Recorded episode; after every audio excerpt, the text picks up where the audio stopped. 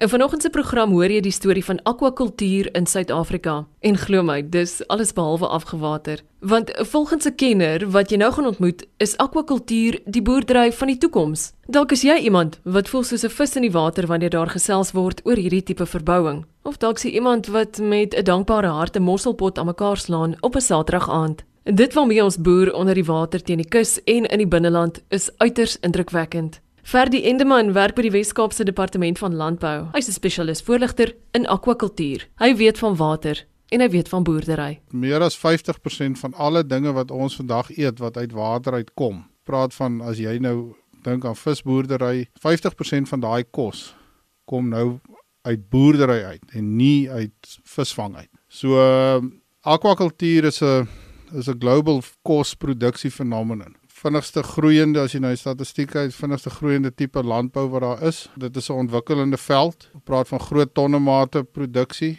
en natuurlik ook het hy faktore wat positief en negatief is van die verskillende produksiestelsels. In Suid-Afrika het ons 'n relatiewe klein sektor. Ehm um, die sektor is onlangs so 5 jaar gelede het, het die regering gekyk na die ontwikkelingspotensiaal van ons ons see-ekonomie, ons oceans economy. En hulle het 'n program van stapel gestuur na 6 weke. Ons was vir 6 weke bo in Durban gewees om na die ocean economy se ontwikkelingsplekke te kyk en eh, op daai stadium is die daai ekonomie opgedeel in 9 areas. Daai 9 areas was daar op daai stadium gedink dat daar net 4 van die areas het verdere ontwikkelingspotensiaal. So byvoorbeeld, een wat nie gefokus op was nie direk nie was visvang. En is omdat visvang op die maximum sustainable yield, met ander woorde die maksimum hoeveelheid vis wat kan gevang word, is besig om gevang te word. So daar's min ontwikkelingspotensiaal in ons Suid-Afrikaanse fisheries.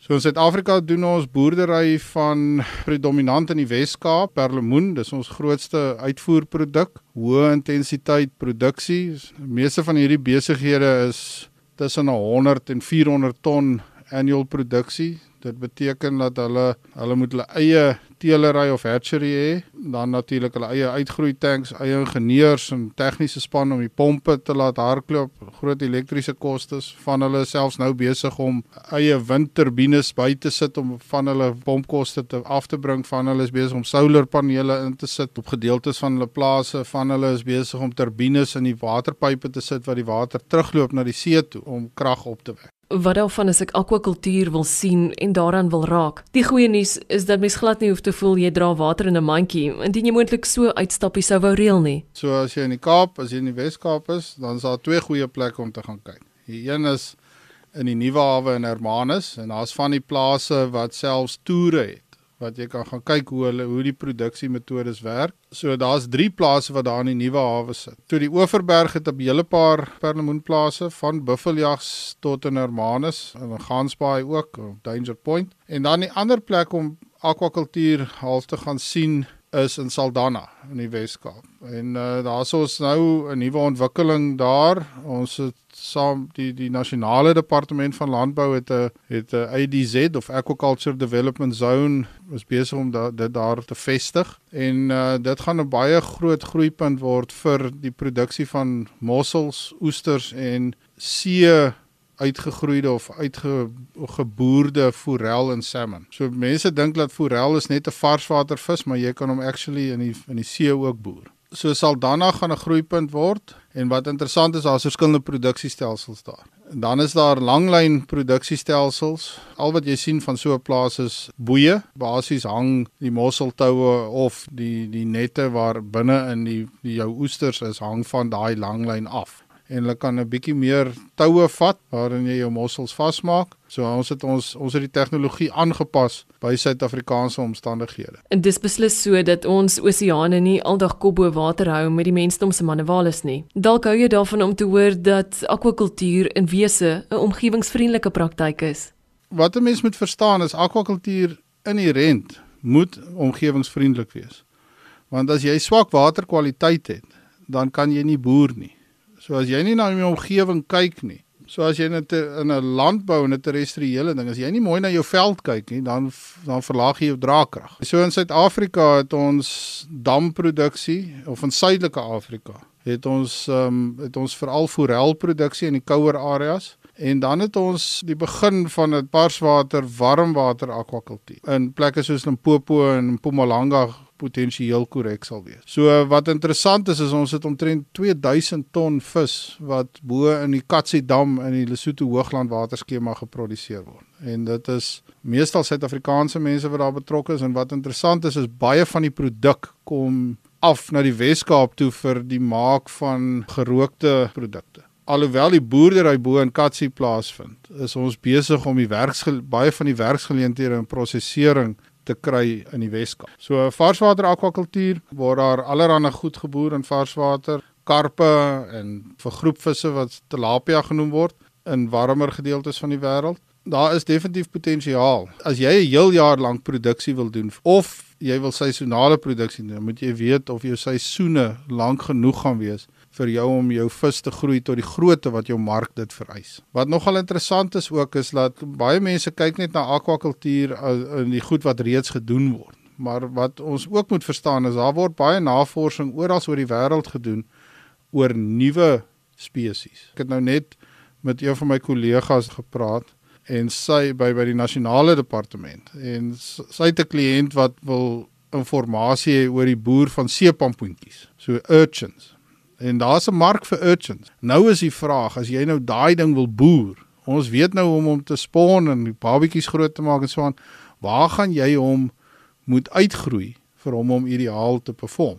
Die spesifieke spesies kom voor in Natal en in plekke soos Mosambiek en Madagaskar en so aan. Maar wat interessant is is die die tipe goed wat wat ons kyk na in wat ons boer en wat verskillende plekke, verskillende nasies oor die wêreld eet. So ons dink nou miskien dat chops en boerewors is die ding, maar vir vir mense in ander plekke van die wêreld is is is 'n rou perlemoen net die ding. Daar is altyd moontlikhede vir ander tipe produksie van dinge. En en dit is net of dit ekonomies lewensvatbaar gaan wees of of 'n mens daai ding sal wil doen in 'n spesifieke geografiese area. En vir die voornemende waterboer het Ferdi 'n paar lekker oplossings om in gedagte te hou vir die toekoms. Ek dink die eerste ding is is die plek waar jy wil boer, met ander woorde jou site, moet jy korrek kies. So ek sal jou 'n goeie voorbeeld gee daarvan. As jy 'n perlemoenplaas het en jy gaan nou 'n miljoen rand per ton wat jy gaan produseer in capex en opex in die water sit. Met ander woorde, ek het 150 ton plaas en met 150 miljoen rand belê dan moet jy doodseker wees dat jy op 'n plek is waar jou pompkoste byvoorbeeld laer gaan wees. As jy 'n baie hoë site het, sê 18 of 20 meter bo seevlak, versus die ou wat net 9 meter het moet pomp, dan gaan hy oor langer oor die lang ter, termyn gaan hy meer besparings hê in sy operasionele kostes. Nou ek het nou van groot hoeveelhede geld gepraat. Maar mense kan ook boerdery doen vir klein hoeveelhede, maar hulle moet die regte omgewing hê. En ek spot altyd, maar mense hulle kop het baie keer nie as mense oor akwakultuur praat nie. Maar wat ek vir hulle sê is is piesangboerdery 'n goeie ding om in die Wes-Kaap te doen. En dan sê hulle nee, dit werk hier nie. En sê ek vir hulle nee, maar dit dit werk. Ek kan dit tegnies kan ek dit doen. Ek kan 'n tonnel opsit, ek kan die tonnel verhit en ek kan piesangs produseer. Maar die le ekonomiese lewensvatbaarheid van daai tegnologie in vergelyking met die boer wat in Mpumalanga boer of in elders in 'n warmer area. Ek het nou die dag het ek en 'n kollega toe koop hy vir hom piesangs uit Ecuador uit. So dit is vir daai Ecuadoriaanse piesangboer het hy nog steeds 'n competitive edge om piesangs uit Ecuador uit uit te voer Suid-Afrika toe. Ek wat nou wil sou wou piesangs boer in die Wes-Kaap, het 'n lot goed teen my waar die omgewing nie saam met my werk. So wat ek sou sê is wees baie seker dat jy wat jy wil boer dat jy 'n mark het vir daai goed teen die volumes wat jy nodig het om dit ekonomies lewensvatbaar te maak teen die pryse wat jy nodig het om dit ekonomies lewensvatbaar te maak en dan moet die omgewing saam met jou werk. Want elke keer as die omgewing nie saam met jou werk nie dan kos dit jou meer in produksiekoste farm the stuff in the place where it grows best. So akwakultuur is die boerdery van die toekoms so daar's ons opsies vir jou om corporate te gaan maar daar's ook opsies vir jou om in die, in jou agterplaas goudvisies te boer mense lag waaroor om te sê dat ja, maar wat wat het dit nou met kos te doen? Maar as ek as ek vir 'n 10 gram goudvisie R10 kan kry. As jy dit op 'n per kilogram prys uitwerk, dan is dit nogal 'n groot hoeveelheid geld. En dan kan ek mos maar kos gaan koop met daai geld wat ek gemaak het. Mense dink ook dat partykeer het jy 'n omgewing nodig wat goed is. En oor ornamentele visproduksie, daar's twee groot produsente van ornamentele vis in die wêreld. So dis nou die goed wat jy in die pet shop gaan koop. Daar's baie spesies wat geboer word nou. En die twee plekke is Singapore en dan die Maleisiese Peninsula wat 'n lot vis daarso produseer en uitvoer en uitvlieg uit Singapore uit. En dan snaaks genoeg is daar 'n groot kultuur van ornamentele visboerdery sommer agter in jou garage in die Tsjechiese Republiek. So dis 'n koue plek waar tropiese visse geboer word. Wat daar gebeur is, daar's oor die 3000 boere in die land wat backyard boertjies is. Daar's 3 of 4 co-ops en daai co-ops koop die ouens se vis in en hulle maak bestellings en so aan en hulle kou luit goed en hulle voer daai vis uit in die Europese mark in en vlieg dit oor die res van die wêreld. So daar is altyd opsies. Die ding is net om dit ekonomies lewensvatbaar te maak en en dan ook om natuurlik te lees en jouself te te verbreed in jou kennis in in die goed. Ferdi Endeman is spesialis landbouvoorligter in akwakultuur en werksaam by die Wes-Kaapse Departement van Landbou. Onthou daar's nog van ons programme beskikbaar op rsg.co.za en op elsenburg.com. Dankie dat jy vanoggend saamgekuier het. My naam is Eloise Pretorius en ek groet jou. Tot volgende keer.